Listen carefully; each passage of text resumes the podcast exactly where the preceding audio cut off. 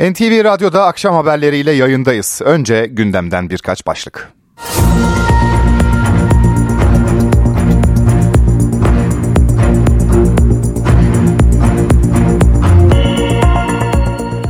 Cumhurbaşkanı Recep Tayyip Erdoğan borsada manipülasyona karşı uyardı. Enflasyonla ilgili görüşlerini paylaştı. Cumhurbaşkanının ekonomiye dair mesajlarıyla başlayacağız. Teknik elemanların aylık geliri beyaz yakayı geride bıraktı. İş dünyası eğitim sisteminin değişmesini istiyor. Sorunu beyaz yakayla mavi yaka maaşlarından örneklerle anlatacağız. Altın fiyatları 3 haftanın zirvesinde. Gram altın 1930 lirayı geçti. Piyasalara da bakacağız. İngiltere vize vermedi. Türk basketbol takımı yedek oyuncular olmadan maça çıktı. Sonuç yenilgi olsa da mücadele büyüktü. Bursa Uludağ kadın basketbolcuların İngiltere'deki maçını da anlatacağız. Günü özetledik. Tabii ki daha fazlası da olacak. Ben Egeber Kiraz, NTV Radyo'da akşam haberleri başlıyor.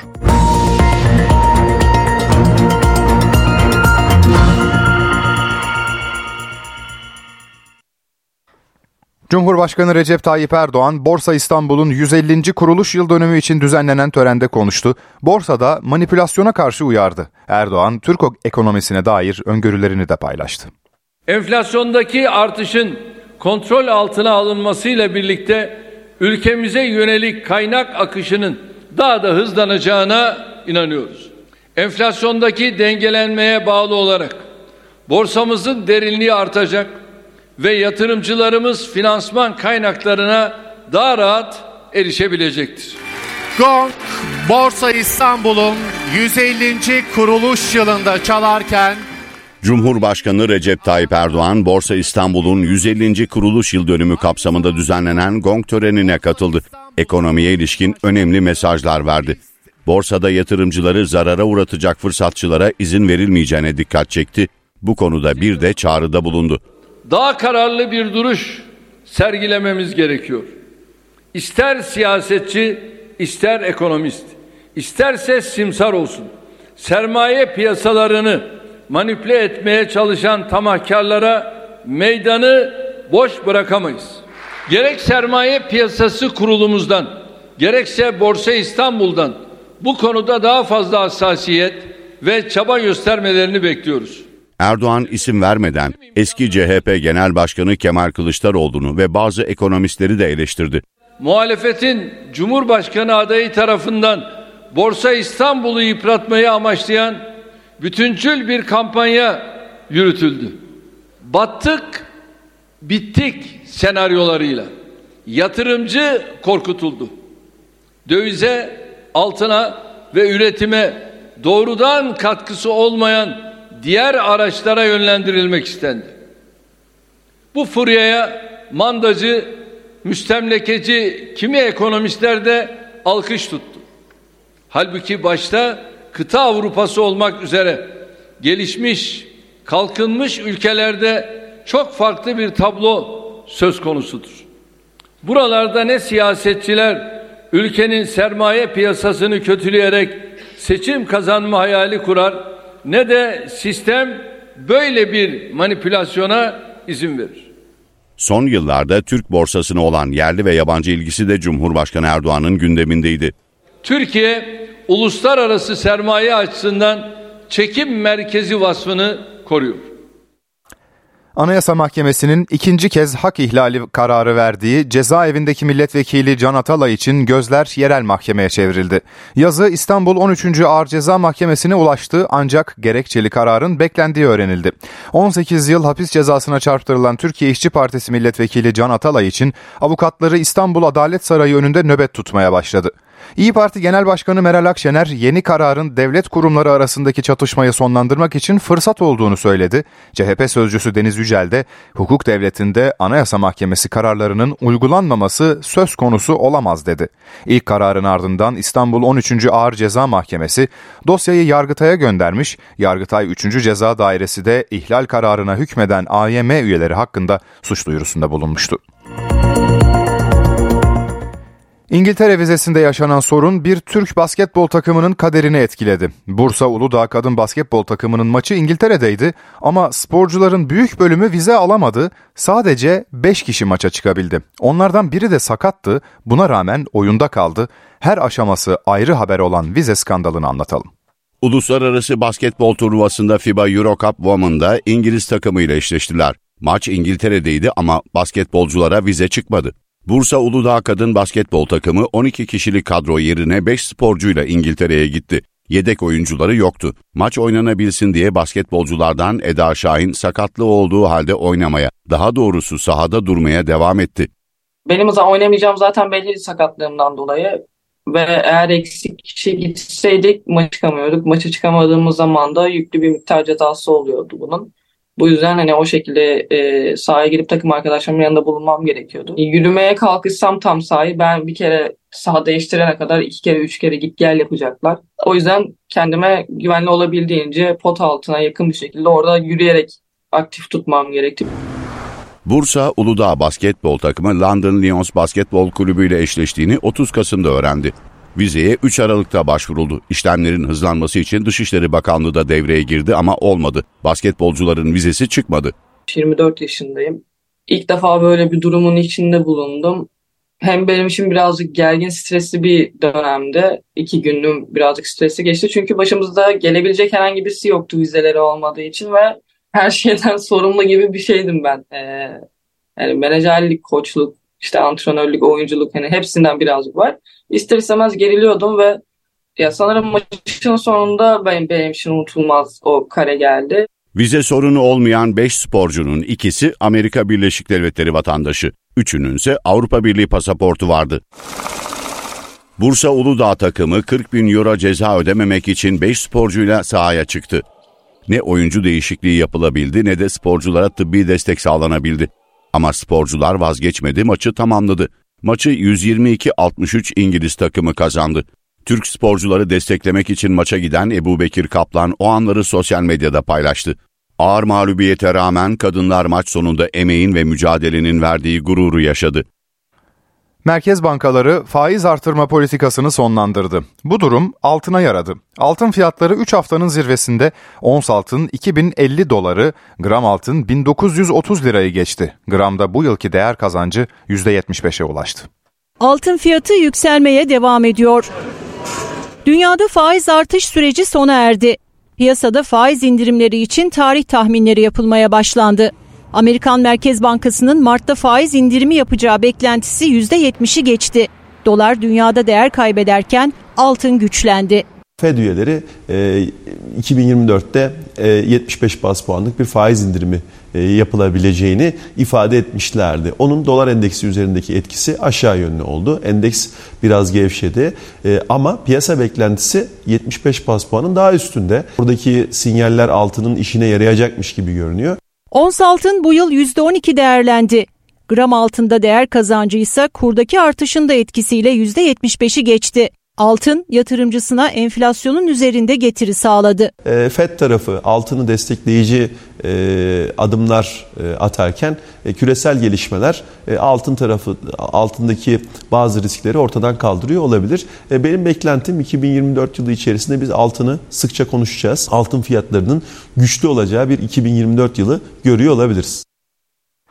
İstihdamda mavi yaka çağı yaşanıyor. Nitelikli teknik elemanların aylık geliri beyaz yaka üst yöneticileri geride bıraktı. Özellikle 6 Şubat sonrası deprem bölgesinde artan inşaat sayısı sorunu daha görünür hale getirdi. Şu an bir vinç operatörünün maaşının 100 bin lirayı aştığı, inşaat mühendisinin maaşının ise 30-40 bin lira arasında olduğu ifade ediliyor. Türkiye Müteahhitler Birliği Başkanı Erdal Eren, mavi yakalı eleman açığının giderilmesi için eğitim sisteminin değişmesi gerektiğini belirtti. Aksi durumda uzak doğudan çalışan istihdamını sürdüreceğiz dedi. Kule vinç operatörünün aylık kazancı 150 bin liraya çıktı. Sektörlerde ara eleman sorunu büyüyor. Depremin ardından bölgede inşaat hızlandı. Çalışan bulmak zorlaştı. Nisan'da aylık 40 bin lira kazanan vinç operatörlerinin maaşı neredeyse 4 katına çıktı. Sektör yetkililerinin verdiği bilgilere göre inşaat ustalarının kazancı ise 60-70 bin lirayı buluyor. Aynı inşaatta çalışan mühendis ise 30-40 bin lira arası kazanabiliyor. Biraz rakamlar çok abartılı yerlere gelmiş durumda. Çünkü deprem bölgesindeki inşaatların çok kısa zamanda yapılması gerekiyor. Ama az sayıda kalmış olan usta, operatör gibi elemanların e, kendi ücretlerini kendilerinin belirlediği bir dönem yaşıyoruz. Ve kule vinç çalışmadığı zaman hiçbir binanın inşaatını yapmak mümkün değil. Bunun benzeri her e, işçilik e, düzeninde inşaat sektöründe yaşanıyor. Mavi yaka çalışan bulamama sorunu sadece inşaat sektöründe değil. İnşaattaki kadar olmasa da sanayinin genelinde çalışan bulmak zor. Önümüzdeki 4 yıl hiçbir üniversiteye hiçbir öğrenci almasak bile 4 yıl sonra mevcut okuyanlarla beraber yaklaşık 10 milyon e, üniversite mezunu vereceğiz. Halbuki ülkemizin ekonomik e, piyasası, pazarı gerek sanayide gerek inşaatta e, bu kadar e, üniversite mezununun e, istihdam edilmesine imkan yok. Şirketler soruna çare bulmak için yabancı işçi arıyor. Yurt dışındaki şantiyelerde artık daha fazla uzak doğulu çalışan istihdam ediliyor.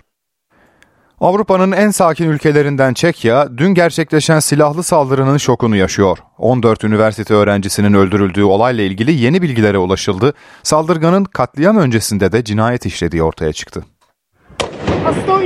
Her zaman öldürmek istedim. Gelecekte hep bir manyak olacağımı düşündüm. Bu sözler Prag saldırısının faili David Kozak'a ait. Çekya'nın başkenti Prag çok sayıda kişinin ölümüne neden olan silahlı saldırıyla sarsıldı. 1999 doğumlu David Kozak, Karl Üniversitesi Felsefe Fakültesinin terasına çıktı. Etrafa rastgele ateş açtı. Polis Kozak'ın ölü bulunduğunu açıkladı. Saldırı sırasında kampüste büyük panik yaşandı. Üniversite yönetimi öğrenci ve personele kendilerini sınıflara kilitlemeleri yönünde mesaj gönderdi. Bazı öğrenciler kurşunların hedefi olmamak için binanın çatısına saklandı. Polis olayın terörle ilişkili olmadığını ve Kozağ'ın ülke dışındaki benzer katliamlardan ilham aldığı ihtimali üzerinde duruyor.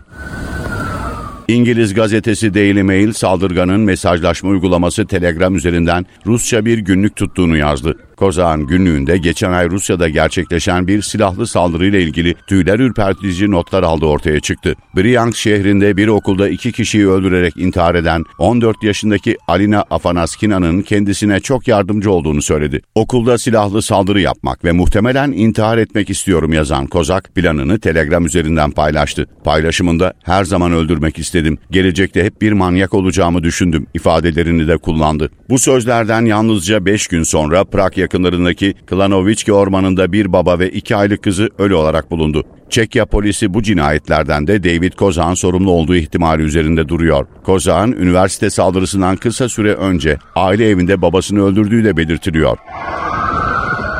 Soruşturmayla ilgili detaylar ortaya çıkmaya devam ederken Prag merkezinde güvenlik önlemleri sıkılaştırıldı. Ülkede 23 Aralık'ta bir günlük ulusal yas ilan edildi. Türkiye, Kafkaslar'da kalıcı barışın temini için diplomatik girişimlerini sürdürüyor. Dışişleri Bakanı Hakan Fidan, Rus mevkidaşı Sergey Lavrov'la görüştü. Gündemde Azerbaycan'da Ermenistan arasındaki barış müzakereleri vardı. Edinilen bilgiye göre iki isim devam eden müzakerelerdeki son durumu ele aldı. Fidan, görüşmede barış anlaşmasının bir an önce imzalanmasının önemini vurguladı. Gazze'de dram 11 haftadır sürüyor. İsrail Gazze'yi havadan vurmaya devam ediyor. Filistinliler cuma namazı için Kudüs'te Mescid-i Aksa önünde toplandı. Bölgede yine gergin anlar yaşandı. Güvenlik güçleri gazetecilere de sert müdahalede bulundu. Ayrıntıları Kudüs'ten NTV muhabiri Baran Bile aktarıyor. Aslında son dönemde hatta son yıllarda alıştığımız bir görüntü Mescid-i Aksa ve çevresinde Cuma günü gergin anlar yaşanıyor. Fakat bu gerilim 7 Ekim'den itibaren daha da artmış durumda. Bugün bir kez daha Filistinliler Cuma namazını kılmak üzere tarihi caminin önüne geldi. Fakat o yine tarihi kapının Aslanlı kapının önünde bir kontrol noktası oluşturuldu ve kimsenin geçmesine kolay kolay müsaade edilmedi. Şimdi genellikle yaşlı kişilerin içeri girmesine, camiye girmesine müsaade ediyor İsrail güvenlik güçleri. Gençlerin girmesine pek yanaşmıyorlar. Fakat bir bakıyorsunuz bir iki kişi içeri girmiş sonra geride kalanlar neden biz içeri giremedik deyince pek de tatmin edici bir yanıt alamıyorlar. Sert bir müdahaleyle karşılaşıyorsunuz. İşte o alanda yine gerilim ve tansiyon yükselmişti. Öte yandan Cuma günleri bir anlamda Doğu Kudüs'te Gazze'ye destek gösterileri ve protestoları da düzenleniyor. Bu kapsamda da çağrılar vardı. Pek çok kişi iş yerini, dükkanını açmadı. Esnaf da o protestoya destek verdi. Herkes o cami ve çevresinde toplanmış durumdaydı. Sonra daha geride cuma namazını kılmak istediler ve sonrasında kısa bir süre sonra ise polisin müdahalesi gerçekleşti. Bir yandan Bahattin Demir'in görüntüleri ekrana geliyordur. Gaz bombalarıyla, gaz fişekleriyle arka arkaya müdahalede bulundu İsrail polisi. Kalabalık bir grup vardı, namaz kılanlar vardı. Onların üzerine o gaz bombaları geldi ve ara sokaklarda saatlerce kovalamacı devam etti. Sonrasında bir baktık o öbek öbek 30 kişi, 50 kişi e, dolaşan devreye gezen İsrail güvenlik güçleri ikişerli, üçerli, beşerli gruplara ayrıldılar. Hemen hemen o mahalledeki her ara sokağa gaz bombası fırlattılar. Durumdan etkilenenler oldu. Sadece gazeteciler değil, çevredeki kişiler, protestocular ve namaz kılmak için bölgede bulunanlar herkes etkilendi. Kimi otoparklara sığındı, kimi gözyaşları içerisinde kaldı gaz bombalarından dolayı. Kimi ise evlere sığınmaya çalıştı. Tansiyon saatlerce yüksekti. O noktadaki müdahale hem Robocop olarak tabir edeceğimiz o polislerle ve bir yandan da tomalarla devam etti. Tomalarla da e, sürekli bir e, gaz ve bir kimyasal madde sıkılıyordu. Kötü bir koku yaydı ve o kokudan, o gazdan, kimyasal maddeden de yine etkilenenler oldu. Gerilim tam düştü diyorken başka bir noktada sonra polisin daha yoğun bir şekilde nöbet tutmaya başladığını gördük. E, gruplar tekrar bir araya gelerek yukarı Mescid-i Aksa'ya doğru çıkmak istedi. Fakat bu e, çabaya da bu yürüyüşe de izin vermedi İsrail polisi.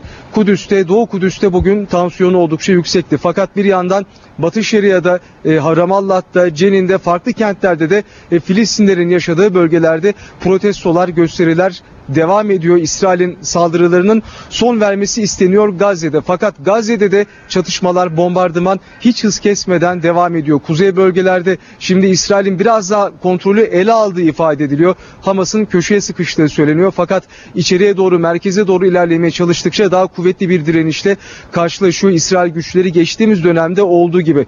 Şecai bölgesi vardı. Geçtiğimiz günlerde sınır hattında o bölgeden bize gözlemlerde bulunuyorduk, haberler yapıyorduk. Sınıra 3-4 kilometrelik bir alan, yoğun bombardıman vardı. Önemli bir nokta çünkü hemen gerisinde Selahattin Caddesi yer alıyor. Bir aslan, e, aslında kavşak noktası diyebiliriz. Kuzey ve güneyi bağlayan şimdi o noktada İsrail güçlerinin ilerlediği söyleniyor. Fakat tüm bu bombardıman ve tüm bu saldırılar, tüm bu çatışmalar sırasında sivil kayıplar da giderek artıyor. Ayrıntıları Kudüs'ten NTV muhabiri Baran Bila'dan aldık. Gazze Savaşı'nda İsrail bombardımana devam ederken rehine takasının da yapılmasını istiyor. Hamas ise buna soğuk. İsrail basınındaysa olası rehine takasıyla ilgili haberler var. O haberlere göre Hamas İsrail'den özellikle 3 ismi istiyor. O isimlerin kimler olduğuna bakalım. İsrail ile Hamas arasında bu hafta yeni bir takas olasılığı belirdi. İsrail basınına Hamas'ın takas için hangi isimleri istediği bile yansıdı. Yediot Ahronot gazetesine göre onlar arasında Filistin siyasetinin 3 önemli ismi var. Gazete 3 isimden sadece birinin Hamas üyesi olduğuna dikkat çekti. İsrail gazetesine yansıyan isimler arasında en önemlisi Mervan Barguti. 64 yaşındaki Barguti Filistin siyasetinde çok güçlü bir figür. Kısaca Fetih olarak bilinen Filistin Ulusal Kurtuluş Hareketi'nin merkez komite üyesi. 5 kez ömür boyu ve 40 yıl hapis cezasına çarptırılan Barguti, 2002 yılından bu yana İsrail hapishanesinde. Ancak hapishanede olmasına rağmen Filistin siyasetinde ağırlığını hissettiriyor. Popülaritesiyle Mahmut Abbas'ın yerine Filistin yönetiminin başına geçmesi en muhtemel isim olarak görülüyor. Yediot Ahronot gazetesi Barguti'nin Filistin yönetiminin çehresini değiştirmeye muktedir olduğunu yazdı. Listedeki bir diğer isim Filistin Halk Kurtuluş Cephesi'nin Genel Sekreteri Ahmet Saadat. 70 yaşındaki Saadat 2008'den beri İsrail hapishanesinde. İsrail Turizm Bakanı Rehavam Zeevi'nin 2001'de öldürülmesiyle bağlantısı olduğu gerekçesiyle 30 yıl hapis cezasına çarptırıldı. Üçüncü isim Hamas'ın silahlı kanadı Kassam Tugaylarının Batı Şeria'daki lideri Abdullah Barguti. 2001'den bu yana İsrail hapishanesinde yatan Abdullah Barguti bombacı olarak biliniyor. İsrail 66 İsrailinin öldüğü, 500'ünün yaralandığı saldırılarda bombaları yapmakla suçladı. Abdullah Barguti bugüne kadar İsrail mahkemelerinde eşi benzeri görülmemiş cezalara çarptırıldı. 44 yaşındaki Hamas liderine 67 kez ömür boyu hapis cezası verildi. Bu üç isim 2011'deki takasta gündeme gelmiş, İsrail serbest bırakmayı reddetmişti. O takasta Ergilat Şalid'e karşılık bugün İsrail'in hedefindeki Hamas'ın Gazze sorumlusu Yahya Sinvar'ın da aralarında olduğu bin Filistinli mahkum serbest bırakılmıştı. NTV Radyo Doğu Anadolu bölgesi beyaza büründü. Hakkari, Tunceli ve Bitlis'te çok sayıda köy yolu ulaşıma kapandı. Yurtta kış izlenimleriyle devam edelim. Köy yolları kardan kapandı. Buzlanma kazalara neden oldu. Işıklandırma yok, bariyer yok. Şu ana kadar en az 20-30 tane araç düştü. Hakkari'de kar ve tipi etkili olmaya başladı. Yüksek kesimlerde kar kalınlığı 30 santimetreye kadar ulaştı. Yüksekova ilçesinde 22 köye ulaşım sağlanamıyor. Ekipler yolları açmak için çalışma başlattı. Yoğun kar kazaları da beraberinde getirdi. Yüksekova'da Mahsun Kaya'nın kullandığı araç buzlanma nedeniyle kontrolden çıkarak sulama kanalına düştü. Sürücü ekiplerin yardımıyla otomobilden çıkarıldı. İlgili yetkililerin bir an önce buraya e, bir önlem almalarını istiyoruz. Tunceli'de de benzer görüntüler vardı. Pülümür, Ovacık, Hozat ve Nazımiye ilçelerinde onlarca köy yolu ulaşıma kapandı. İl Özel İdaresi'ne bağlı ekipler tuzlama çalışması başlattı. Ayrıca Tunceli'yi Erzincan'la Elazığ'a bağlayan karayolunun kapanmaması için yoğun mücadele var. Bitlis, kar kalınlığı şehir merkezinde 20, yüksek kesimlerde 50 santimetreye yaklaştı. Sürücüler zaman zaman zor anlar yaşadı. Sabah kalktım evden baktım kar yağmış. Ee, geldim aracımı temizledim işe gitmek için. Bitlis Tatvan karayolunda görüş mesafesi 5 metreye kadar düştü. Ekipler sis ve buzlanmadan dolayı sürücüleri uyardı. İstanbul'da öğleden sonra etkisini artıran yağış trafik yoğunluğuna neden oluyor. İstanbul Büyükşehir Belediyesi'nin haritasına göre trafik yoğunluğu %87'ye ulaştı. Son durumu alacağız. NTV ekibinden Deniz Tüysüz aktarıyor. Öğleden sonra yağmur etkisini göstermeye başladı. İstanbul'un genelinde uzmanlar uyarmıştı. Özellikle iş çıkışı saatine e, göstermişlerdi. Dikkatli olmaları e, konusunda uyarılarda bulunmuştu. E, insanların, İstanbulluların şu saat itibariyle de sen de söyledin. E, İstanbul'da genel olarak %87 oranında bir trafik söz konusu.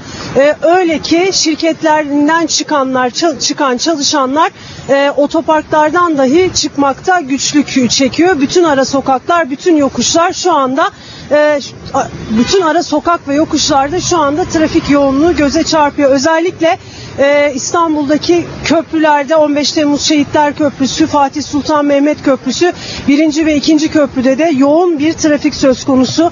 E, köprülere girişlerde e, birinci köprüde 15 Temmuz Şehitler Köprüsü'ne bağlanan noktalarda e, Beşiktaş ve Sarıyer noktalarında, Maslak noktalarında yoğun bir e, trafik söz konusu. Oralar e, İBB'nin haritasında kıpkırmızı gözüküyor. Yani bu da demek oluyor ki e, yüksek oranda ağaç, e, yüksek oranda araç yoğunluğu var.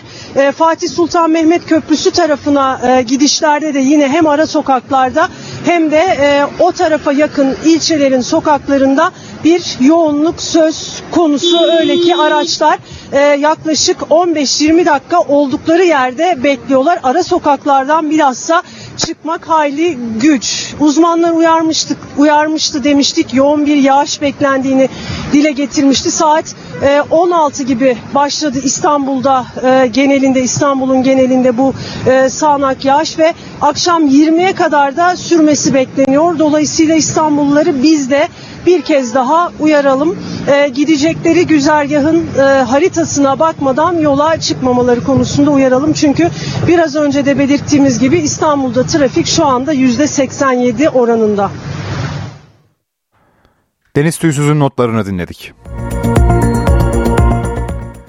Fransa'da bir kentte toplu ulaşımda artık ücret ödenmeyecek. Montpellier'de belediye karbon emisyonlarını azaltmak için toplu ulaşımdan ücret alınmayacağını duyurdu. Toplu ulaşım bedava oldu. Uygulamayla çevrenin korunması hedefleniyor. Bu adımın atıldığı yer Fransa'nın güneyindeki Montpellier şehri. Montpellier Belediye Başkanı Michel Delafos toplu ulaşımın hane bütçesine katkı sağlayacağına da dikkat çekti. Fransa'da geçen yıllarda daha küçük ölçekli şehirlerde de benzer adımlar atılmış ve tamamen ya da kısmen ücretsiz toplu ulaşım uygulaması başlatılmıştı. 500 bin nüfusa sahip Montpellier uygulamanın başlatıldığı en büyük Avrupa şehirlerinden biri oldu. Avrupa'da ücretsiz toplu ulaşıma öncülük eden şehir 2013 yılında Estonya'nın başkenti Tallinn olmuştu. Ardından Lüksemburg ve Malta benzer adımlar attı. İsviçre'nin Cenevre, Basel şehirlerinde toplu ulaşım turistler için ücretsiz. Hollanda'da ve Portekiz'in başkenti Lizbon'da ise öğrenciler toplu ulaşıma ücret ödemiyor.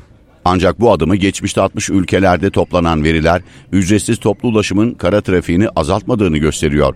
Bu nedenle Hollanda uygulamayı toplum geneline genişletmeme kararı aldı.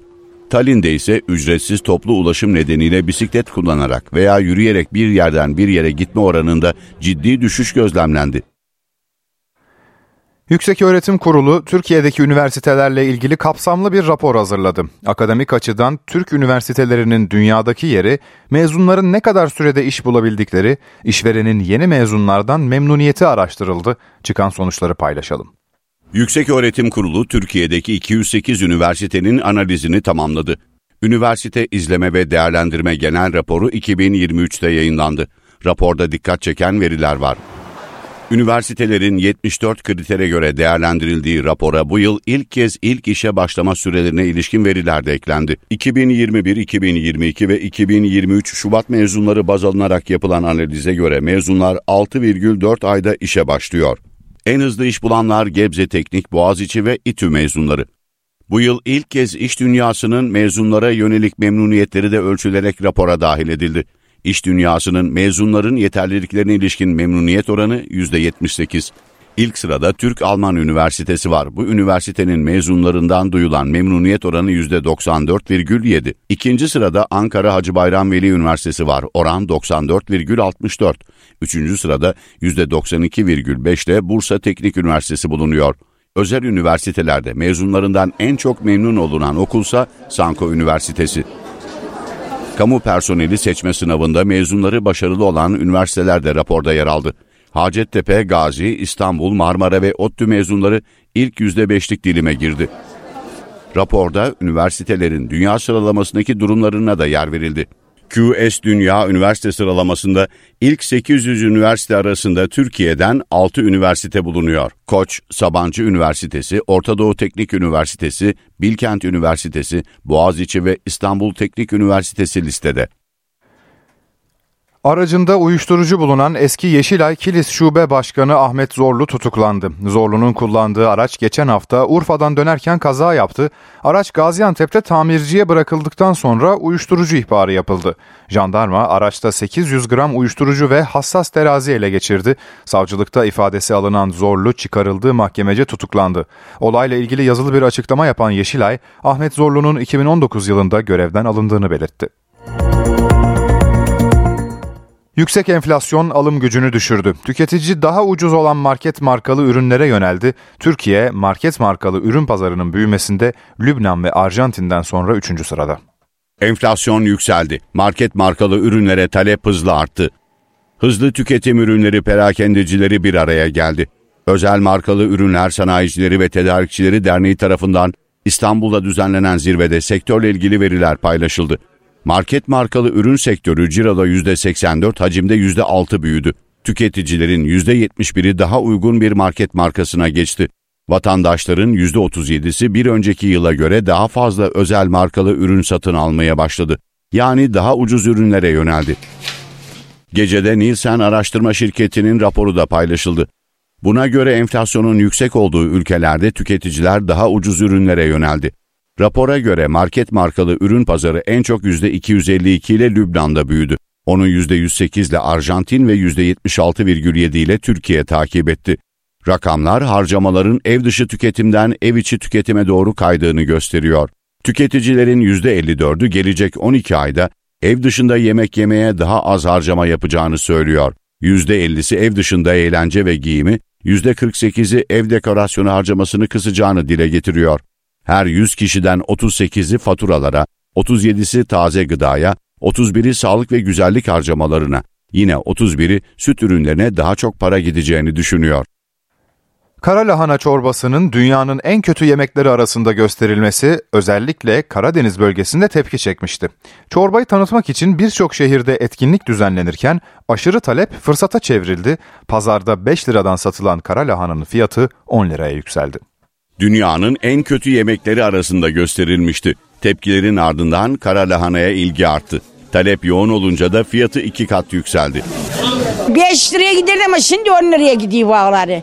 5'e giderdi karalahana bağ şimdi 10 liraya gidiyor. Evet demeti 10 lira. Dünyanın en kötü yemekleri listesinde 7. sırada yer alan kara lahana çorbası sosyal medyada tartışmalara neden oldu. Özellikle Karadeniz bölgesinde yoğun tüketilen kara lahanaya vatandaşlar haksızlık edildiği görüşünde. Bu nedenle yemeği tanıtmak ve sahip çıkmak adına birçok şehirde etkinlik düzenlendi. Yerli ve milli lahanamız. Kara lahanaya aşırı talep olunca 5 liraya satılan demedi 10 liraya yükseldi. Şu an havalar soğuk olduğu için talep var ama bu olaya da eklenince daha çok talep artmaya başladı. Yani satışlar biraz daha arttı. Üreticiler de satışlardan memnun. Tabii ki güzel alıyorlar. Hı hı, bu aralar çok güzel alıyorlar karalahanayı ki buranın insanı bilir zaten onu. O diğer memleketlerin insanı onu bilmez. Bizim için daha iyi oldu. Gündem oldu. Satışlar daha çok arttı. Gündeme geldi. Bizim için daha iyi oldu yani.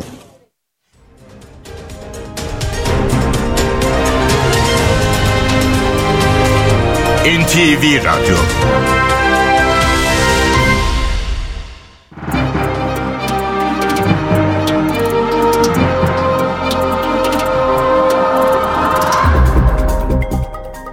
Borsa İstanbul 100 endeksi 7601 seviyelerinde. Dolar 29.21, Euro 32.26'dan işlem görüyor. Euro dolar paritesi 1.10. Ons altın 2067 dolarda, kapalı çarşıda gram altın 1941 liradan, çeyrek altın 3291 liradan satılıyor. Brent petrolün varil fiyatı 80 dolar.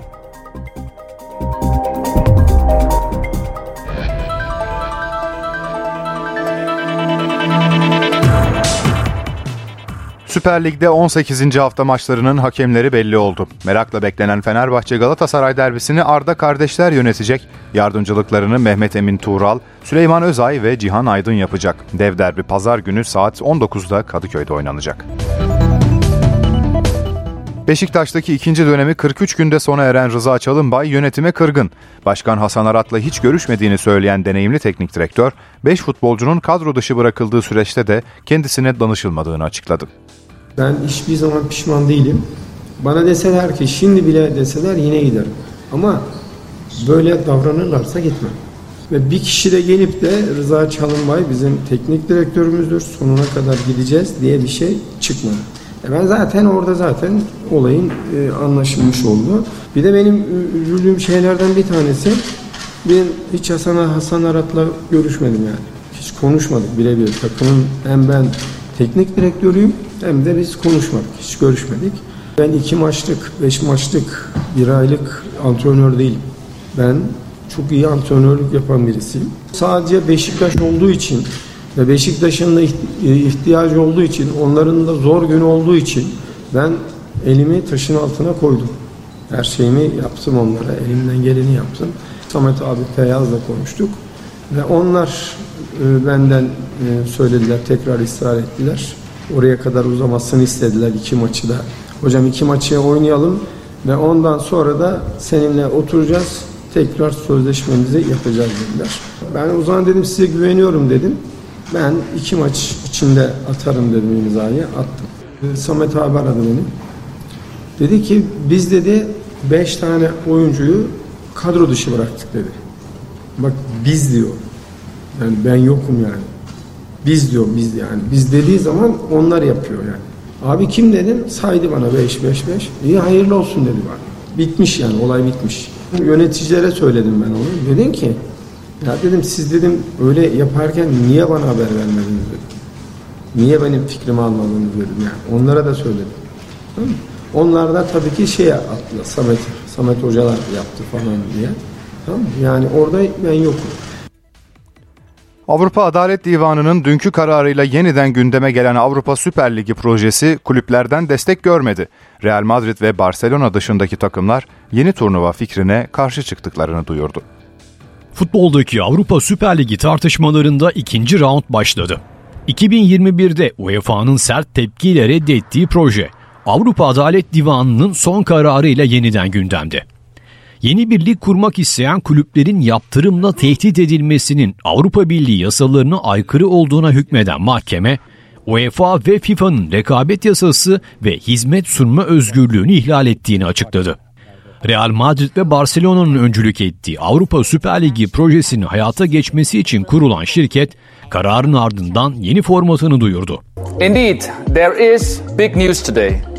Avrupa futbolu bugün serbest kaldı. UEFA'nın tek elinden kurtuldu. 64 takımın 3 farklı ligde mücadele edeceği bir projemiz var. Yıldız, Altın ve Mavi olarak adlandıracağımız 3 ligde takımlar 14'er hafta oynayacak. Normal sezonun ardından her ligde en iyi 8 takım çeyrek finali yükselecek. Hafta içi oynanacağı için yerel ligleri engellemeyecek bu projede her sezon ikişer takım küme düşüp küme çıkacak. Barcelona ve Real Madrid'i hedef alan UEFA Başkanı Alexander Ceferin ise futbol satılık değil. Umarım harika turnuvalarını en kısa sürede başlatırlar diyerek res çekti.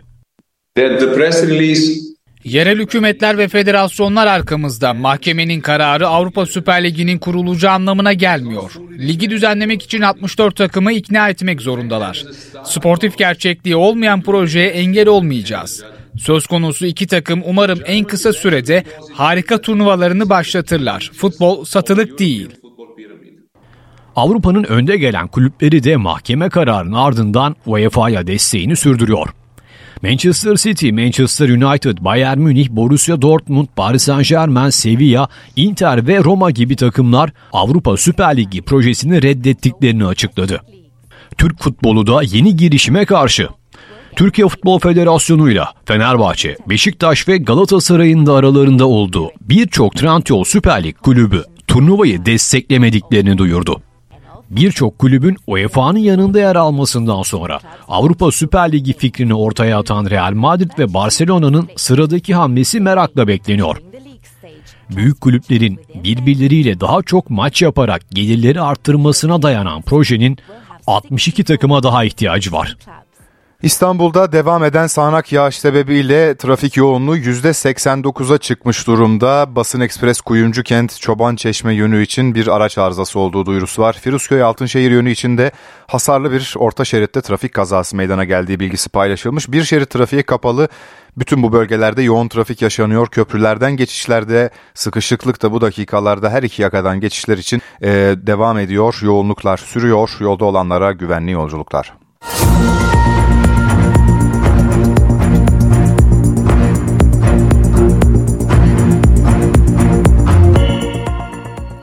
NTV Radyo'da gelişmeleri aktarmayı sürdürüyoruz. İstanbul'da bugün yağış var. Yarınsa kuvvetli fırtına etkili olacak. İstanbul Büyükşehir Belediyesi Afet Koordinasyon Merkezi hafta sonu için uyarıda bulundu. Fırtına nedeniyle yaşanabilecek olumsuzluklara karşı dikkatli olunması istendi.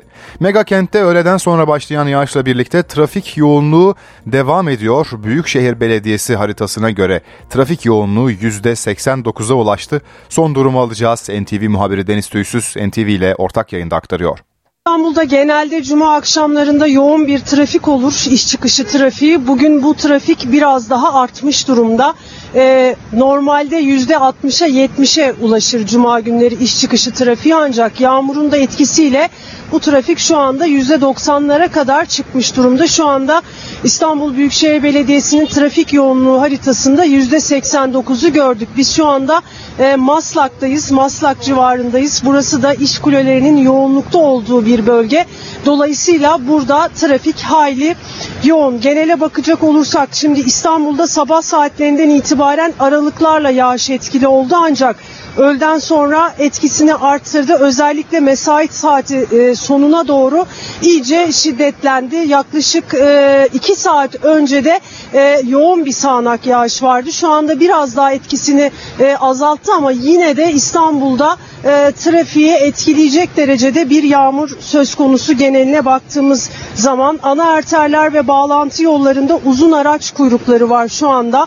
E, özellikle İstanbul'un köprülerinde şu anda e, yoğun bir trafik söz konusu. 15 Temmuz Şehitler Köprüsü ve Fatih Sultan Mehmet Köprüsü'nde her, her iki istikamete doğru da tıkalı durumda trafik. Hem Anadolu yakasından Avrupa yakasına geçişte hem de Avrupa yakasından Anadolu yakasına geçişte e, her yer o İstanbul Büyükşehir Belediyesi'nin haritasına göre kıpkırmızı. Zaten bizim bulunduğumuz yerden de anlıyoruz. Bu yolun sonunda hem Fatih Sultan Mehmet Köprüsü'ne bağlanan bir kavşak var hem de düz gittiğimizde 15 Temmuz Şehitler Köprüsü'ne bağlanan bir e, yol var. O yollara da ulaşmak hayli zor şu saat itibariyle.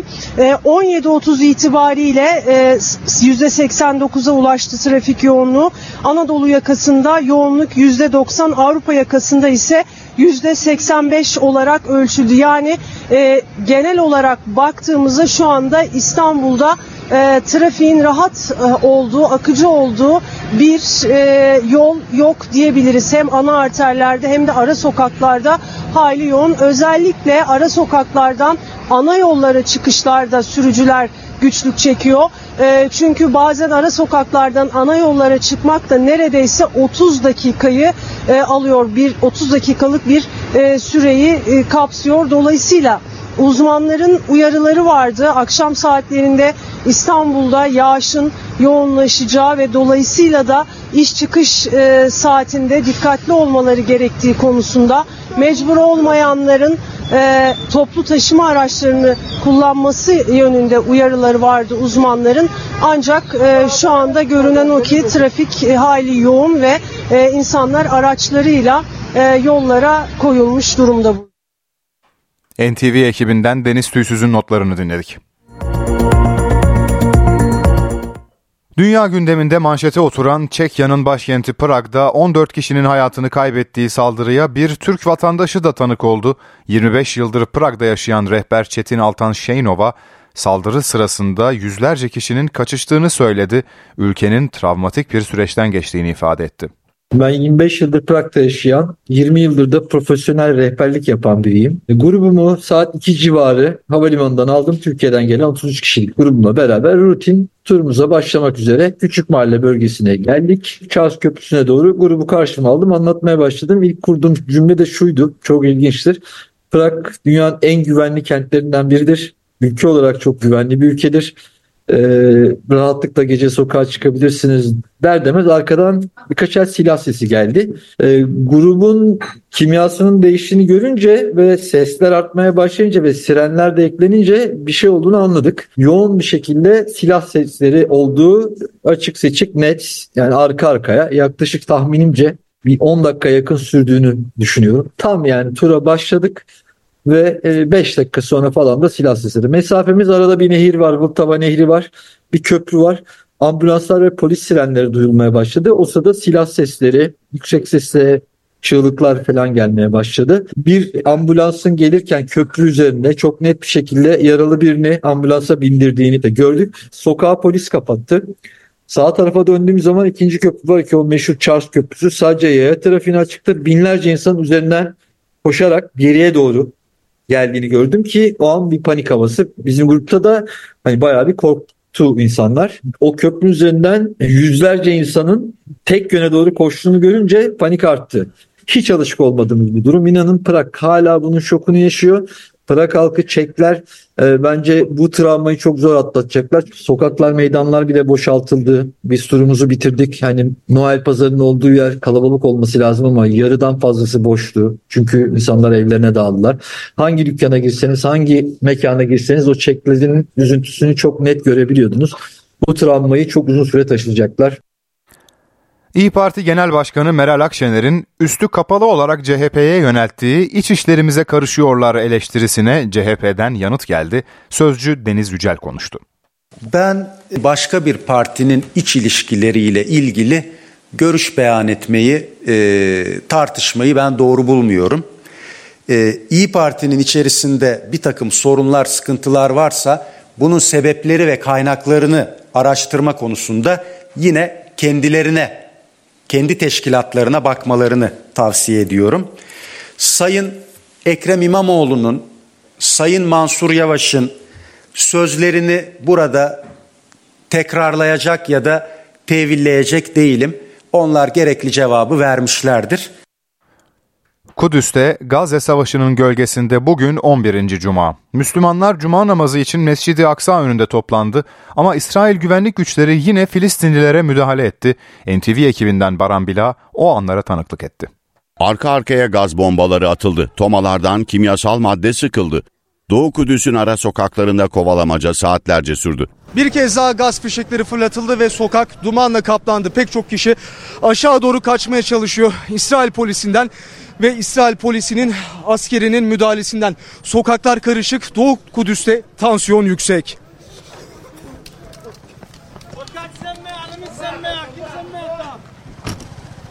Tansiyon her hafta olduğu gibi Mescid-i Aksa'ya açılan kontrol noktası önünde arttı. Herhangi bir gerekçe gösterilmeden camiye alınmayan Filistinliler duruma tepki gösterdi. Daha önce Gazze'ye destek için Mescid-i Aksa'nın önünde toplanma yönünde de çağrılar yapıldı. İçeri alınmayanlar yakın bir noktada namaz kılmak istedi. Polis müdahale etti. Bir kez daha adımlarımızı hızlandırdık çünkü o noktaya doğru yine bir müdahale var. Polis koşmaya devam ediyor. Arka arkaya gaz fişekleri ateşlenmeye devam ediyor. Yine çok yoğun bir koku var. Yine çok yoğun bir koku. Şu an Doğu Kudüs sokaklarında bu kokuyu fark etmediniz. Bulunduğumuz yerde, bulunduğumuz mahallede hemen hemen hiçbir yer yok. Nefes almakta zaman zaman zorlanıyoruz. Fenalaşanlar oldu. Nefes almak güç bir hale geldi. Bazı gazetecilere ambulansta müdahale edildi. Yoğun gazdan etkilenenler otoparklara sığındı. Müdahalenin dozu ilerleyen dakikalarda arttı. Polise takviye gaz bombaları getirildi. Müdahale için bir TOMA'da olay yerine geldi. Polisin gaz fişekleriyle müdahalesi devam ediyordu.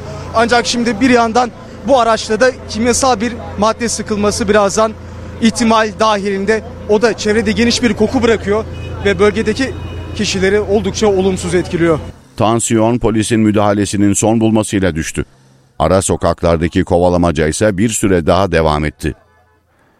Amerikan basını ABD Başkanı Joe Biden ve İsrail Başbakanı Benjamin Netanyahu'nun Gazze'de savaş sonrasında atılacak adımlarla ilgili anlaşamadığını yazdı. Haberin ayrıntılarını paylaşalım. İsrail Başbakanı Benjamin Netanyahu ve ABD Başkanı Joe Biden savaş sonrası konusunda anlaşmazlık içinde.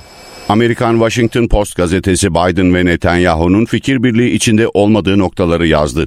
Buna göre İsrail'e Gazze saldırılarında sarsılmaz bir destek veren Biden, Hamas yok edildikten sonra Gazze'nin kontrolünün Batı Şeria'da yöneten Filistin yönetimine geçmesini istiyor.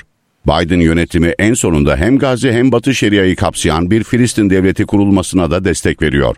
Hamas'ın 7 Ekim saldırıları sonrası yönetimi sorgulanır hale gelen İsrail Başbakanı Benjamin Netanyahu ise bu iki öneriye de karşı.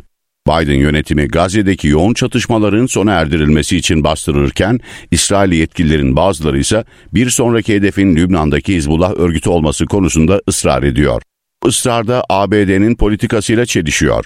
Amerikan yönetimi Gazze Savaşı'nın başından beri çatışmaların Lübnan'a sıçramaması ve bölgesel bir savaş çıkmaması için büyük çaba harcıyor. İsrail ve Amerikan yönetimi Batı Şeria'da Filistinlilere saldıran Yahudi yerleşimcilerin nasıl cezalandırılacağı konusunda da anlaşamıyor. Bir başka anlaşmazlık noktası ise savaşın başında yaşandı. İsrail Başbakanı Netanyahu, Gazze'lilerin Mısır'a gönderilmesi için hem ABD Başkanı Biden hem de İngiltere Başbakanı Rishi Sunak hem de Fransa Cumhurbaşkanı Emmanuel Macron'a çağrıda bulundu. Ancak üç lider de Mısır istemediği için bu öneriye karşı çıktı. Washington Post gazetesi Netanyahu'nun sertlik yanlısı tutumunun ABD yönetiminin Gazze'nin yeniden inşası konusunda Arap liderleri ikna etmesini zorlaştırdığını da yazdı. Biden yönetiminden yetkililerle bir araya gelen Arap liderlerin Filistin devleti kurulacağı yönünde güvence almadan Gazze şeridinin yeniden inşasına yardımcı olmayacaklarını ilettikleri belirtiliyor. Biden yönetiminin savaşın başlangıcında ateşkes ve insani yardımlara karşı çıkan Netanyahu'yu sonunda ikna ettiğine dikkat çekilirken, ABD'nin Gazze'nin kontrolünün Filistin yönetimine verilmesi konusunda da İsrail'i ikna edebileceğinden umutlu olduğu söyleniyor. İlk yardımını önemini anlatan bir haberle devam ediyoruz. Amasya'da bir öğrencinin okul bahçesinde kalbi durdu, kalp masajını yapan öğretmen 13 yaşındaki öğrencinin hayatını kurtardı. Okul bahçesinde aniden yere yıldı. Kalbi duran öğrenciye ilk müdahaleyi öğretmeni yaptı. 13 yaşındaki Çetin Çebi öğretmeninin kalp masajıyla hayata döndü. Nefes almadığını fark ettim e, ve kalp masajına başladım. E, ve 2-3 dakikalık bir kalp masajının sonucunda öğrencimiz nefes refleksini gösterir hale geldi. Amasya'da Plevne Ortaokulu öğrencisi Çetin Çelebi 15 Aralık'ta okul bahçesinde oyun oynarken fenalaştı.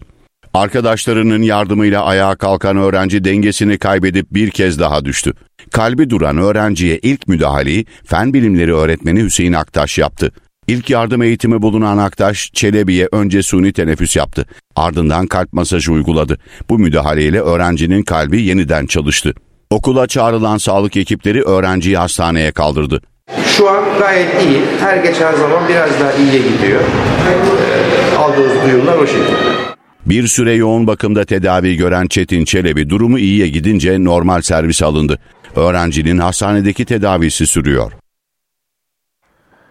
Merkez bankaları faiz artırma politikasını sonlandırdı. Bu durum altına yaradı. Altın fiyatları 3 haftanın zirvesinde. Ons altın 2050 doları, gram altın 1930 lirayı geçti. Gramda bu yılki değer kazancı %75'e ulaştı. Altın fiyatı yükselmeye devam ediyor. Dünyada faiz artış süreci sona erdi. Piyasada faiz indirimleri için tarih tahminleri yapılmaya başlandı. Amerikan Merkez Bankası'nın Mart'ta faiz indirimi yapacağı beklentisi %70'i geçti. Dolar dünyada değer kaybederken altın güçlendi. Fed üyeleri 2024'te 75 bas puanlık bir faiz indirimi e, yapılabileceğini ifade etmişlerdi. Onun dolar endeksi üzerindeki etkisi aşağı yönlü oldu. Endeks biraz gevşedi e, ama piyasa beklentisi 75 bas puanın daha üstünde. Buradaki sinyaller altının işine yarayacakmış gibi görünüyor. Ons altın bu yıl %12 değerlendi. Gram altında değer kazancı ise kurdaki artışın da etkisiyle %75'i geçti. Altın yatırımcısına enflasyonun üzerinde getiri sağladı. E, FED tarafı altını destekleyici e, adımlar e, atarken küresel gelişmeler altın tarafı altındaki bazı riskleri ortadan kaldırıyor olabilir. Benim beklentim 2024 yılı içerisinde biz altını sıkça konuşacağız. Altın fiyatlarının güçlü olacağı bir 2024 yılı görüyor olabiliriz. Bu yılın en değerli şirketler listesi açıklandı. Amazon geçen yıl %16 değer kaybeden Apple'ı tahtından indirdi. En değerli 10 markadan 7'si Amerika'dan çıktı. 2023 yılında dünyanın en değerli markası 1990'larda çevrim içi bir kitapçı olarak başlayıp internetin en büyük perakendecilerinden biri haline gelen Amazon oldu. ABD merkezli küresel piyasa araştırma merkezi TradingPedia'nın değerlendirmesine göre Amazon 2022'den bu yana 51 milyar dolar değer kaybetmesine rağmen 2023'ün en değerli markası oldu. Şirket 299,28 milyar dolar değere sahip. Bir yıl içinde %16 değer kaybeden Apple 297,51 milyar dolarlık servetiyle ikinci sırada. Üçüncü sırada ise değerini 2022'den bu yana yaklaşık 18 milyar dolar artırarak 281,38 milyar dolara çıkaran Google var. Microsoft 181,57 milyar dolar ve Walmart 113,78 milyar dolarla 4. ve 5. sırada yer aldı. Dünyanın ABD dışındaki en değerli markası tahmini 99,66 milyar dolar değeriyle 6. sırada yer alan Güney Koreli Samsung oldu. Geçen yıl %225 ile en hızlı büyüyen marka olan Çinli sosyal medya şirketi TikTok ise listede 10. sırada yer buldu. Dünyanın en değerli markalarında ABD ve Çin ağırlığı görülüyor. En büyük 100 markanın 53'ü ABD'li, 22'si ise Çinli. En büyük 500 markanın da 202'si ABD'de ve 79'u Çin'de bulunuyor. Suçsuz yere cinayetten hapis yattı. Gerçek neredeyse yarım asır sonra anlaşıldı. Olay Amerika Birleşik Devletleri'nde yaşandı. Glenn Simmons ülke tarihinde haksız yere en uzun süre hapis yatan kişi olarak kayıtlara geçti. Yıllarca hapis yattı. Suçsuzluğu 48 yıl sonra anlaşıldı. Glenn Simmons, Amerika Birleşik Devletleri'nde haksız yere en uzun süre hapis yatan kişi oldu. Haksız mahkumiyete sebep olan olay 1974'te Amerika Birleşik Devletleri'nin Oklahoma eyaletinde yaşandı. Simmons bir içki dükkanı soygununda cinayetle suçlandı. 1975'te suçlu bulunarak idam cezasına çarptırıldı. Ancak karar daha sonra ömür boyu hapis cezasına çevrildi. Temmuz 2023'te dönemin savcılarının tüm kanıtları mahkemeye sunmadığı fark edildi. Simmons'ın cezası iptal edilerek yeni bir duruşma kararı verildi. 71 yaşındaki Simmons 48 yıl 1 ay 18 gün sonra hapisten çıktı. Bölge savcısı bu hafta Simmons'ın yeniden yargılanmasını gerektirecek bir kanıt olmadığını açıkladı. Böylece masumiyeti kanıtlanan Simmons, Amerika tarihinde haksız yere en uzun süre cezaevinde kalan kişi oldu. Hapisten çıktıktan sonra ailesiyle yeni bir hayat kurmaya çalışan Simmons, yavaş yavaş sivil hayata alışmaya başladı. Oklahoma eyaletinde haksız yere hüküm giyen kişilere 175 bin dolar kadar tazminat ödenebiliyor. Hali hazırda karaciğer kanseriyle mücadele eden Simmons, yaşam masrafları ve tedavisi için binlerce dolar bağış toplamıştı.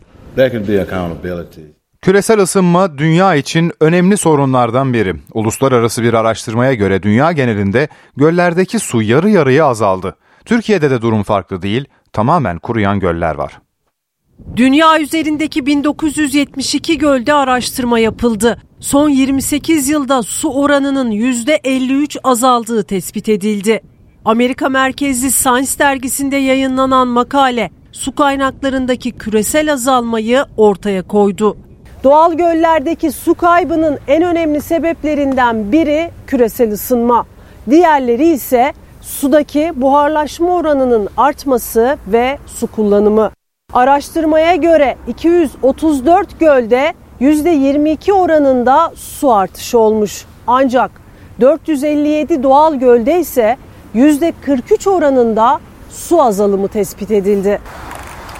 Yani küresel ısınma evet bir gerçek. İnsan kullanımının yoğun olduğu yerler, e, plansız kullanımın gerçekleştiği yerler e, bu e, su kıtlığını ve sulardaki azalmanın e, yaşandığı yerler olarak karşımıza çıkıyor. Bu su kullanımını bizim e, iyi bir planlamayla gerçekleştirmemiz gerekiyor.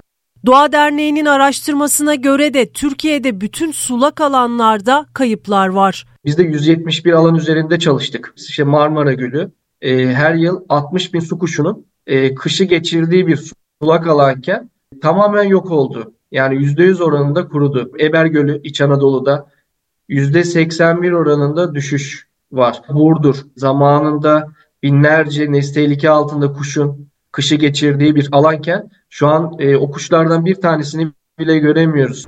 Türkiye önemli derecede su kaybı yaşayan 12 havzadan biri olarak gösteriliyor. Ölümü şüpheli olarak görülmüştü. Adli tıp raporu olayı aydınlattı. Aksaray'da 25 yaşındaki hemşire Saliha Tuncel, erkek arkadaşının evinde balkondan düşmüştü. Adli tıp raporu cinayet şüphesini çürüttü. Doktor sevgilisinin evinde balkondan düşerek hayatını kaybetti. Aile cinayet iddiasında bulundu. Adli tıp raporu ise iddiayı çürüttü. Hemşirenin dengesini kaybedip düştüğü belirlendi. Aksaray'da görevli hemşire Saliha Tuncel 24 Mayıs'ta doktor sevgilisi Halil İbrahim Ağa'nın evine gitti. 25 yaşındaki Tuncel 7. kattaki Fransız balkondan 3. katın balkonuna düştü. Ağır yaralanan kadın kurtarılamadı. İki kez gözaltına alınıp serbest bırakılan doktor ifadesinde o sırada içerideydim, düştüğünü görmedim dedi. Soruşturmada hastanenin mali işler uzmanı ve icra kurulu üyesi Çiğdem Özkan da gözaltına alındı. Tehdit ve şantaj suçlamasıyla tutuklanan Özkan'ın hastanenin sahibi ve başhekimi Doktor TC ile ilişkisi olduğu belirlendi. Özkan'ın TC ile Saliha Tuncel'in bir eve girdiklerine dair görüntülerle hemşireyi tehdit ettiği öne sürüldü. Tüm delil ve doku örnekleri incelenerek bilirkişi raporu hazırlandı. Raporda düşme pozisyonuna ve Saliha Tuncel'in cansız bedeninin binadan çok ileride olmamasına dikkat çekildi. Tuncel'in dengesini kaybetmesi sonrası yeterince yüksek olmayan korkulun üzerinden düştüğü değerlendirilmektedir denildi. Ölüm nedeninin genel beden travması olduğu ifade edildi. Ayrıca pencere ve korkuluk üzerinde herhangi bir parmak izi ve DNA örneği bulunmadı. Doktorun olayın ardından telaşa kapıldığı kamera görüntüleri ve ifade tutanaklarıyla ortaya çıktı. Hemşirenin intihara meyilli bir kişiliği olduğuna yönelik belge veya tanık ifadesine de rastlanmadığı belirtildi. Esquire dergisi 2023'ün en iyi aksiyon filmlerini seçti. Listede serilerden animasyonlara, süper kahramanlardan korkuya geniş bir yelpaze var.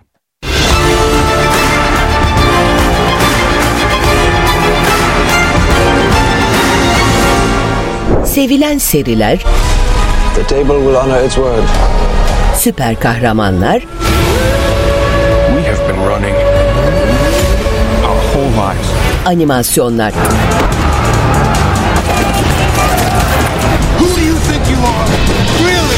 Dünyaca ünlü bir erkek dergisi 2023'ün en iyi aksiyon filmlerini sıraladı.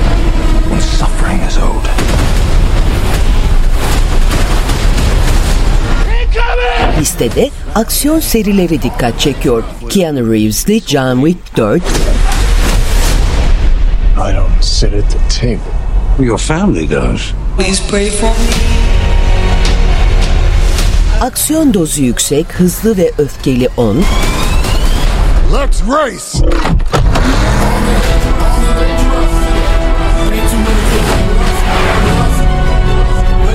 Ethan Hunt ve ekibinin 7. macerası Görevimiz Tehlike, Ölümcül Hesaplaşma 1. bölüm 2023'ün en iyi aksiyonları olarak sıralandı.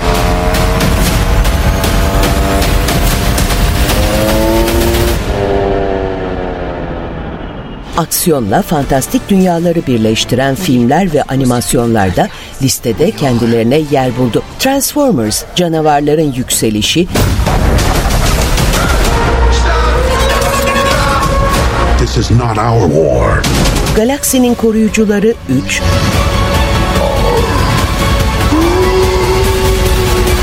Örümcek Adam, Örümcek Evrenine geçiş yılın en iyileri arasında sıralandı. Who do you think you are?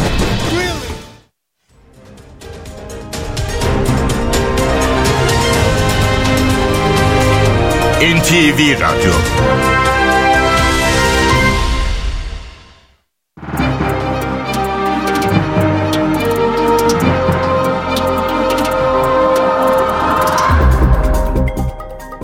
Borsa İstanbul 100 endeksi 7557 seviyelerinde. Dolar 29.22, Euro 32.26'dan işlem görüyor. Euro dolar paritesi 1.10. Ons altın 2066 dolarda, gram altın 1940 liradan, çeyrek altın 3289 liradan satılıyor. Brent petrolün varil fiyatı 80 dolar.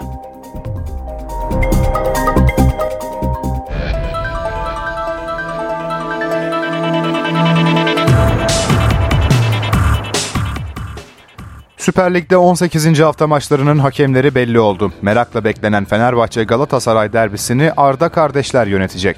Arda kardeşlerin yardımcılıklarını Mehmet Emin Tuğral, Süleyman Özay ve Cihan Aydın yapacak. Dev derbi pazar saat 19'da Kadıköy'de oynanacak. Beşiktaş'taki ikinci dönemi 43 günde sona eren Rıza Çalınbay yönetime kırgın. Başkan Hasan Arat'la hiç görüşmediğini söyleyen deneyimli teknik direktör, 5 futbolcunun kadro dışı bırakıldığı süreçte de kendisine danışılmadığını açıkladı. Ben hiçbir zaman pişman değilim. Bana deseler ki şimdi bile deseler yine giderim. Ama böyle davranırlarsa gitmem. Beşiktaş'taki görevine son verilen Rıza Çalınbay ayrılık sürecini anlattı. 3 birlik Alanya Spor mağlubiyetinin ardından veda edilen deneyimli çalıştırıcı yeni yönetime kırgın. Ve bir kişi de gelip de Rıza Çalınbay bizim teknik direktörümüzdür sonuna kadar gideceğiz diye bir şey çıkmadı. E ben zaten orada zaten olayın e, anlaşılmış oldu. Bir de benim üzüldüğüm şeylerden bir tanesi ben hiç Hasan, Hasan Arat'la görüşmedim yani. Hiç konuşmadık birebir. Takımın hem ben teknik direktörüyüm hem de biz konuşmadık. Hiç görüşmedik. 10 gün uzatılan sözleşmeyi Beşiktaş'ta olduğu için kabul ettiğini söyleyen Çalınbay, yönetimde bulunan eski takım arkadaşları Samet Aybaba ve Feyyaz Uçar'a sitem etti. Ben iki maçlık, beş maçlık, bir aylık antrenör değilim. Ben çok iyi antrenörlük yapan birisiyim. Sadece Beşiktaş olduğu için ve Beşiktaş'ın da iht- ihtiyacı olduğu için, onların da zor günü olduğu için ben elimi taşın altına koydum. Her şeyimi yaptım onlara, elimden geleni yaptım. Samet abi Feyyaz'la konuştuk. Ve onlar e, benden e, söylediler, tekrar ısrar ettiler. Oraya kadar uzamasını istediler iki maçı da. Hocam iki maçı oynayalım ve ondan sonra da seninle oturacağız. Tekrar sözleşmemizi yapacağız dediler. Ben o zaman dedim size güveniyorum dedim. Ben iki maç içinde atarım dedim imzayı attım. Çalınbay 5 futbolcunun kadro dışı bırakıldığı dönemde ise kendi fikrine başvurulmadığını söyledi. Samet abi aradı beni. Dedi ki biz dedi 5 tane oyuncuyu kadro dışı bıraktık dedi. Bak biz diyor. Yani ben yokum yani. Biz diyor biz yani. Biz dediği zaman onlar yapıyor yani. Abi kim dedim? Saydı bana 5 5 5. İyi hayırlı olsun dedi bana. Bitmiş yani olay bitmiş. Yöneticilere söyledim ben onu. Dedim ki ya dedim siz dedim öyle yaparken niye bana haber vermediniz dedim. Niye benim fikrimi almadınız dedim yani. Onlara da söyledim. Tamam mı? Onlar da tabii ki şey attılar. Samet, Samet hocalar yaptı falan diye. Tamam mı? Yani orada ben yokum. Çalınbay basın toplantısında Alanya Spor maçının ardından yediği goller nedeniyle eleştirdiği kaleci Mert Günok'tan da özür diledi. Ankara gücü futboldan ömür boyu men cezası alan eski başkanı Faruk Koca için tahkim kuruluna başvurdu. Sarı lacivertli kulüp Faruk Koca'ya verilen cezanın yarıs, yanı sıra 5 maç seyircisiz oynamayla yöneticilere uygulanan cezalara da itiraz etti. Ankara gücü yaptığı başvuruda Ahmet Sportif Faaliyetler oyuncusuna verilen cezanın indirilmesini örnek gösterdi. TFF 2. Lig Beyaz Grup maçında Ahmet forması giyen bir futbolcu 4 rakip takım oyuncusunu jiletle yaralamış ve ömür boyu futboldan men edilmişti. Sonrasında ise tahkim kurulu cezayı 20 resmi müsabakadan men ve 25 bin lira para cezasına çevirmişti. Türk futbolunda son dönemde yaşanan gelişmelerin ardından bugün kritik bir zirve vardı. Gençlik ve Spor Bakanı Osman Aşkınbak, Futbol Federasyonu Başkanı Mehmet Büyükekşi ve Kulüpler Birliği Başkanı Ali Koç toplantının ardından çözüme birlikte ulaşacağız mesajını verdi. Buradan vereceğimiz en önemli mesaj biz bir aradayız, birlik içerisindeyiz ve güçlü bir şekilde bu süreci de atlatacağımızı, omuz omuza Türk futbolunu daha iyi noktalara taşıyacağımızı, bunun için de şeffaflığa, daha çok bir araya gelmeye, konuşmaya ihtiyacımız olduğunda ifade ettik. Çok da güçlü bir değerlendirme oldu. Ben herkese teşekkür ediyorum. Bir sorun varsa hepimiz birlikte bu sorunu çözeceğiz. Bir başarı varsa hepimizin başarısı olacak. Hep birlikte sahipleneceğiz. Aynı şekilde bir başarısızlık varsa yine hep birlikte sahipleneceğiz. Yaşanan sıkıntıları, problemleri etraflıca, eldivensiz, şeffaf bir şekilde değerlendirdik. Daha yapacak çok işimiz var. Ee, ama burada ortak söyleyebileceğim bir şey arzu, irade varsa bir şekilde el ele omuz omuza şu an içinde bulunduğumuz futbolun temel sorunlarını çözebileceğimize dair bir toplantı sonucu aldık dersek çok abartmış olmayız. NTV Spor Servisi sunar. Spor Merkezi. Mevkisi belli. Ya macera aramaya gerek yok. Pahalıya patladı. Patlıyordu. Keyifli bir maç bizleri bekliyor. Ee, artık onu da izlemek, keyfini çıkarmak düşecek bizlere. Elindeki oyuncuların 10 tanesi sakat ya. 10 sakat oyuncu ne demek? Kimi nereye yerleştireceğini şaşırmış adam. O yüzden sıkıntılı yani. Futbolcuları değiştiremeyeceğine göre e, her zaman ilk kurban teknik direktörler olur. E, düşün Del Bosque bu ülkede gelip Evet. e, ekibi göremedi. Sonra da gitti e, İspanya ile tarih yazdı. E, Türkiye'de e, teknik direktörü göndermek çok kolay. Dediğim gibi a- teknik direktör değişikliğinin sayısına, takımına, gününe asla şaşırmıyor. Elbette ki ağır bir mağlubiyet ve onun ardından konuşmak elbette ki çok zor. Ama orada işiniz takımı yönetmek ve daha sonrasında konuşmaksa e, basın mensuplarında yani bizim işimiz de orada oturup o soruları sormak ve neden sonuç ilişkisini kurup insanlara aktarabilmek.